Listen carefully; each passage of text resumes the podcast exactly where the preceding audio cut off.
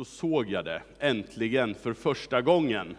Och jag antar att jag förmodligen är sist på bollen i hela Sverige. Men det var först i onsdags som jag verkligen fick se det. Jag syftar på det tydligaste tecknet på att vi tveklöst och onekligen är på väg mot en ny tid. Så får vi trumvirvel på det. Tussilago! Vid sidan av ljusare kvällar, begynnande grönt på träd och buskar, så fyller mig tussilagon med hopp om att sommaren kommer med värme, med ljus, med grönska och med blomning. Trotsigt så står där tussilagon i en svajig tid. April är en svajig tid. Där frostiga nätter, snöblandat regn ibland, vittnar om den här nya tiden. Trots att det är frost så står tussilagon där och vittnar om att en ny tid kommer. Och jag blev så till mig av detta i onsdag så jag var tvungen på lunchen att gå upp till Halvars och köpa en glass också, därför att nu är våren här, eller sommaren kommer. Det är inget snack om saken. Och vi som levt några varv runt solen, vi vet ju att tussilagon har rätt. Tussilagon har alltid rätt. Hur intensiva vinterns försök att behålla greppet än må vara, så vet vi att det bara handlar om patetiska dödsryckningar av en svunnen tid som har svårt att acceptera sitt öde. Dess dagar är räknade. Vintern ska dö. Halleluja!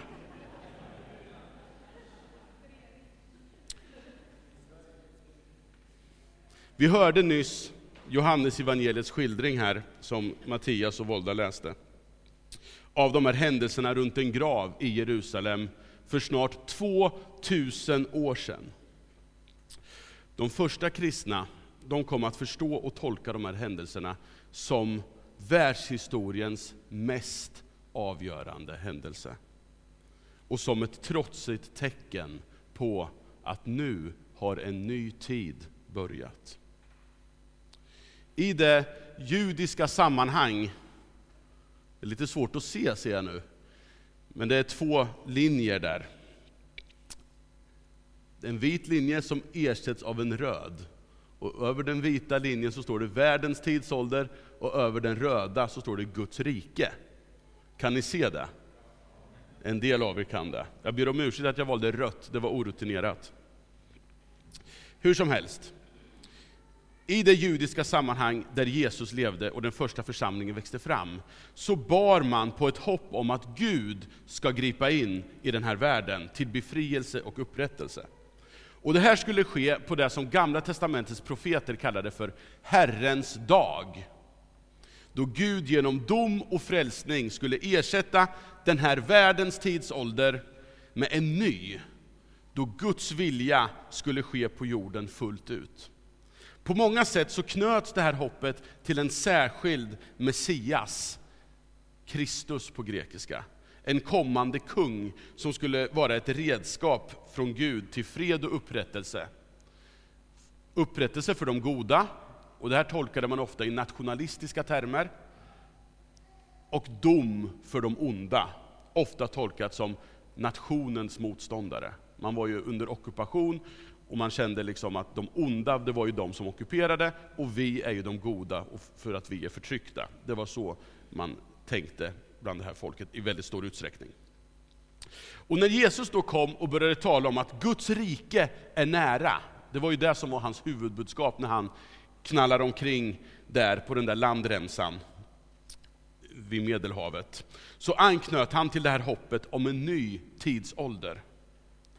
Men i sin beskrivning av det här nya riket, så, hur det såg ut, så motsvarar han inte helt de förväntningar som hade knutits till hur den här tidsåldern skulle se ut. På många sätt så går han helt på tvärs med sin omgivnings både förväntningar och kanske framförallt förhoppningar.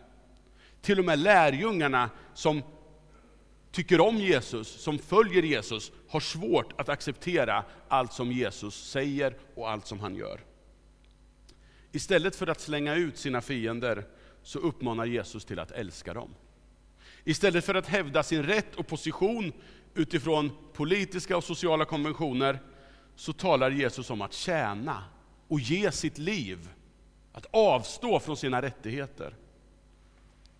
Istället för att söka umgänge i religionens och politikens centrum, så väljer Jesus att vandra omkring i det bonniga Galileen och umgänge med landsförrädare, prostituerade, lågutbildade och kvinnor på ett helt unikt sätt. Väl i Jerusalem, när han äntligen då har möjlighet att förverkliga sin politiska agenda, så börjar ju allting väldigt bra. Han får med sig opinionen, han rider in i, i staden och folk börjar hylla honom som den Messias som han gör anspråk på att vara. Men sen så sköter han ju sina kort på ett sätt som skulle få varje PR-konsult och medial spindoktor att gråta. Jesus gör varje strategiskt fel. Opinionen vänder och han blir slutligen avrättad naken och förlöjligad på ett kors. Lärjungarna, av vilka de mest framträdande i det här läget, när allt har skitit sig så att säga, då är de mest framträdande lärjungarna kvinnor. I alla evangel evangelieskildringar så är det kvinnorna vi möter nu. De måste nu hantera det som har hänt i spillrorna av att allt det de satt sitt hopp till och byggt upp sin tillvaro runt, det är förstört. De lever i spillrorna av det. Maria från Magdala möter vi i texten i Johannes. Hon verkar vilja bearbeta det här genom att gå till graven. Men stenen är borta och det är tomt. Hon drar slutsatsen att någon måste ha flyttat bort kroppen. Så hon går till Petrus och Johannes och berättar att någon har flyttat på kroppen, graven är tom. Och så berättar Johannes, den som troligen också skriv, den som troligen skrivit det här och som beskriver sig själv med orden den som Jesus älskade. Att de båda, både han och Petrus, sprang, men att han själv var snabbare. Det är en väldigt intressant detalj, det är totalt onödig. Men han, det verkar finnas någon sån här rivalitet mellan Johannes och Petrus. Johannes är snabbare än Petrus. Han kom före. De konstaterar, aha, graven är tom, men de går hem igen, berättar Johannes bara. Den första som möter den uppståndne, det är Maria från Magdala. Hon går inte hem. Hon står gråtande kvar vid graven efter att lärjungarna har gått hem. Och när hon tittar in så sitter två änglar där och säger till henne, Varför gråter du, kvinna? Och Jesus, som hon först inte känner igen, ställer i ögonblicket efteråt exakt samma fråga. Varför gråter du, kvinna? Änglarna sitter inne med information som Maria ännu inte har och undrar varför hon gråter. Även Jesus vet ju vad som har hänt och ställer samma fråga. Men Maria hon verkar inte mottaglig för vem det är hon pratar med förrän han säger hennes namn. Först tror hon att det är trädgårdsmästaren. Och det här är ju en blinkning till första Moseboks inledning där den första trädgårdsmästaren, Adam, som var satt i den här världen för att bringa Guds ordning i den, vände Gud ryggen. Nu är det en ny trädgårdsmästare som heter Jesus. Och han har kommit för att bringa ordning i den här världen. Och då ser Maria och blir sen den första människan som bär evangeliet om en ny skapelse och det är i sig självt ett sorts tecken på vad för typ av rike det här också är. Mitt i en tidsålder där inte kvinnor ansågs vara trovärdiga vittnen, bryter det fram en ny tid där ingen längre är jude eller grek, slav eller fri, man eller kvinna. Kvinnorna är de som först får se och bära vittnesbördet till de män som gömt sig av rädsla för judarna, berättar Johannes senare. För de första kristna så tolkades Jesu uppståndelse som det faktum som bevisade att Gud nu genom Jesus Kristus återerövrat makten över världen. Guds rike, Guds regim, den nya tidsåldern är här nu.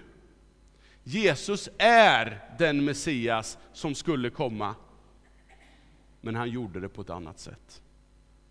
Guds rike är inte ett militärt rike som bygger på vapenskrammel och effektiv propaganda, utan ett rike som kommer underifrån genom kärlek och tjänande. Uppståndelsen är ett framtidstecken. Det som skedde med Jesus kommer en dag att ske med hela Guds skapelse. I Kristus är den nya skapelsen redan nu verksam. Den som är i Kristus, försöker Paulus beskriva det här, är alltså en ny skapelse. En möjlig översättning är också, den som är i Kristus är en del av den nya skapelsen. Det gamla är förbi, något nytt har kommit. Mitt i en värld som faktiskt verkar fungera som om ingenting hänt, står uppståndelsen där som ett trotsigt historiskt faktum och vittnar om att en ny tid oundvikligen snart är här. Men det ser ju inte riktigt ut så där. Det är ju inte så att det gamla är borta helt och det nya har börjat. Utan vi lever i en sorts spänning där den här Herrens dag, då Gud skulle komma med den nya tiden, har blivit utsträckt mellan avgörandet, uppståndelsen, och förverkligandet, då Jesus kommer tillbaka. I det här spänningsfältet lever vi, i mellanrummet mellan dagen D och dagen V. Under andra världskriget så talade man ju om de här två. Dagen D, det var det avgörande slaget när tyskarna fick pisk. Eller nazisterna säger vi, fick pisk. Det är bättre. Och sen så dagen V, då det här blev totalt förverkligat, när man skrev på de här fredsdokumenten, eller vad det är man skriver på. Och i det här mellanrummet, mellan dagen D och dagen V, så har Gud ett särskilt redskap för att med sin kärlek erövra världen. Och det är ett folk som är präglat av den här nya tiden. Och det här folket kallas också för församlingen och för kyrkan. I Nya Testamentet, inte minst i de brev som Paulus har skrivit, så ser vi hur den här spänningen mellan tidsåldrarna beskrivs på olika sätt. Och när man läser Nya Testamentet så, så är det här en sorts nyckel för att få en ny förståelse, för att få en hel förståelse. Och här ser man ju inte ett dyft. Men i Adam, i Kristus, under lagen, under nåden, i köttet, i anden, natten, dagen. Det här är olika motsatspar som beskriver de här olika tidsåldrarna och där, där det görs försök att på något sätt pedagogiskt få församlingen att förstå. Ni är, ni, ni är ju ljusets barn. Ni ska inte vandra i mörkret. Ni tillhör dagen, inte natten. Ni vandrar under nåden, ni behöver inte stå under lagen. Ni vet, hela de här som är lite kluriga att förstå. Det är tidsåldrarnas spänning som vi har att förhålla oss till. Mitt i en värld som verkar vara behärskad av det gamla fortfarande, kallas vi att leva ut en ny tid. En tidsålder som likt ett foster i en livmoder oundvikligen växer fram och en dag kommer ut. Vi vet att hela skapelsen ropar som i födslovåndor, skriver Paulus i Romarbrevet 8. Jag har haft den stora nåden och glädjen att vid fyra tillfällen få information delad till mig om att jag ska bli pappa. Jag säga, vid tre av de tillfällen var det mycket glädje i alla fall. Vi, vi, åt, vi kan ta det där fjärde någon annan gång. Men det blev bra. Men just den här informationen är ju ingenting som jag automatiskt kunde veta av mig själv. Utan det här var information som mina barns mamma var tvungen att dela med mig. Och inte ens hon kunde per automatik veta, men vissa tecken gjorde att hon anade att någonting är på gång. Som fick henne att gå till apoteket och köpa ett sånt här, en sån här sticka. Ni vet. Men när vi väl hade fått den här informationen, så styrde det vårt handlande. Det som sen hände i alla de här, alla de här fyra gångerna, jag har fyra gånger och fem barn, det kan ni fundera på hur det, där, hur det där gick till, men det är en annan sak. Ja, det som hände i alla dessa fall, det var en tid av förberedelse för det som vi visste skulle komma. Om allt gick som det skulle. Det var fortfarande bara information om någonting som vi inte hade sett. Men vi tog det ändå som ett faktum som kom att prägla vårt liv under nio månader. Genom uppståndelsens verklighet så är det för Paulus som att den förgängliga skapelsen har blivit havande, gravid med den nya skapelsens oförgänglighet och liksom väntar på förlossningen, befrielsen, som vi går oundvikligen emot. Det är inget vi kan göra något åt. När min fru skulle föda sitt första barn, jag hoppas att det här kan pausa på inspelningen kanske. Då säger hon så här, Anton, vi skiter i det här. Jag vill åka hem det, fanns, det alternativet fanns inte. Det var tvunget att ske. Livet måste fram.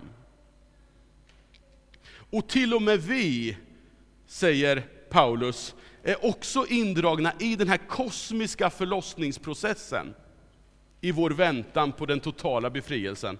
När han säger så här, till och med vi som har fått anden som en första gåva, också vi ropar i vår väntan på att Gud ska göra oss till söner och befria vår kropp. I hoppet är vi räddade. Ett hopp som man ser uppfyllt är inte något hopp. Vem hoppas på det han redan ser? Men om vi hoppas på det vi inte ser, då väntar vi uthålligt, säger Paulus. Varför gråter du? frågar änglarna och Jesus Maria. Det finns inget, rolig, inget roligare än att vara först med, med, med god information. Jag vet inte om ni är sådana här skvallermänniskor, jag är lite sån. Jag tycker det är ganska roligt att vara först med rolig information och berätta för människor och se vad, vad det gör med människor när man kommer med ett glatt budskap. Vi lever i ett samhälle, i en värld med så mycket trasighet och till synes hopplösa situationer. Vi har det bland oss också. Många människor bågnar under en fruktansvärd press, vare sig den stavas sorg, skam, skuld, skräck, klimatångest, prestationsångest, utseendehets eller utanförskap på olika sätt.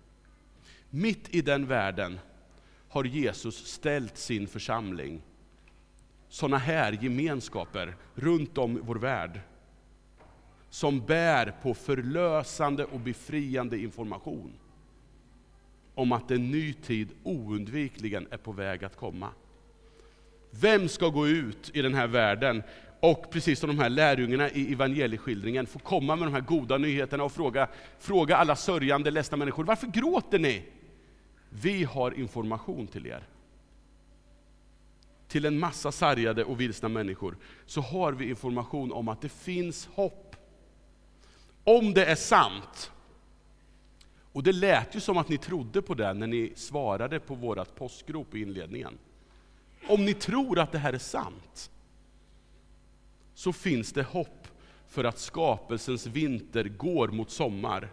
det oförgängliga livet växer fram mitt i det förgängliga, då är de här terrordåden, bomber och vapen som vi hör och läser om, alla sjukdomar som förpestar våra liv, alla våra tillkortakommanden att leva i försoning med varandra, allt det där, det är som snöblandat regn i april.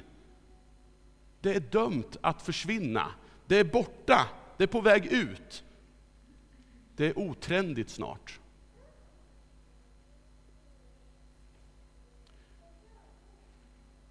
Teologen N.T. Wright han skriver så här. Tron på Jesu uppståndelse är inte bara en fråga om en udda, udda händelse för 2000 år sedan.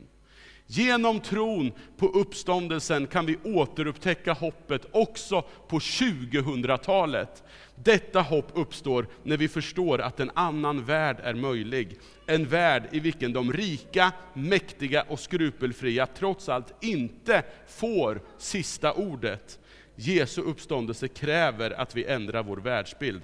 Och samma världsbildsförändring kommer att göra det möjligt för oss att förändra världen. Om den kristna församlingen tar påskdagens oerhörda påstående på allvar, så kommer vi att vara bärare av ett hopp som förändrar den här världen. Då kan vi inte göra annat än att redan nu leva den tillvaro som vi vet kommer. När tussilagon kommer, då börjar vi gå och köpa glass. Då ser vi över våran uteplats, städar, trädgårdsmöblerna åker fram, vi fixar med båten, husvagnen eller vad vi ägnar sommaren åt. När graviditetstestet visar positivt, då måste vi börja inreda rum, köpa vagga, större bil, två gånger. Och, vagn, bilstol, allt. Om Jesus är uppstånden, så är det kärlek, barmhärtighet, förlåtelse, tjänande som kommer att vara tillvarons grundprinciper på riktigt. Som bär till och med genom död och grav. Och då har vi anledning att förbereda oss för att leva en sån tillvaro nu. Oavsett om de gamla principerna fortfarande verkar dominera. För vi bär nämligen på information om någonting som ger hopp om att det, precis som det är med vintern i april, bara är patetiska dödsryckningar från en tidsålder vars dagar är räknade. Och den informationen vi har tillgång till och som hela världen behöver få del av, det är ju den här. Jesus Kristus är uppstånden! Amen.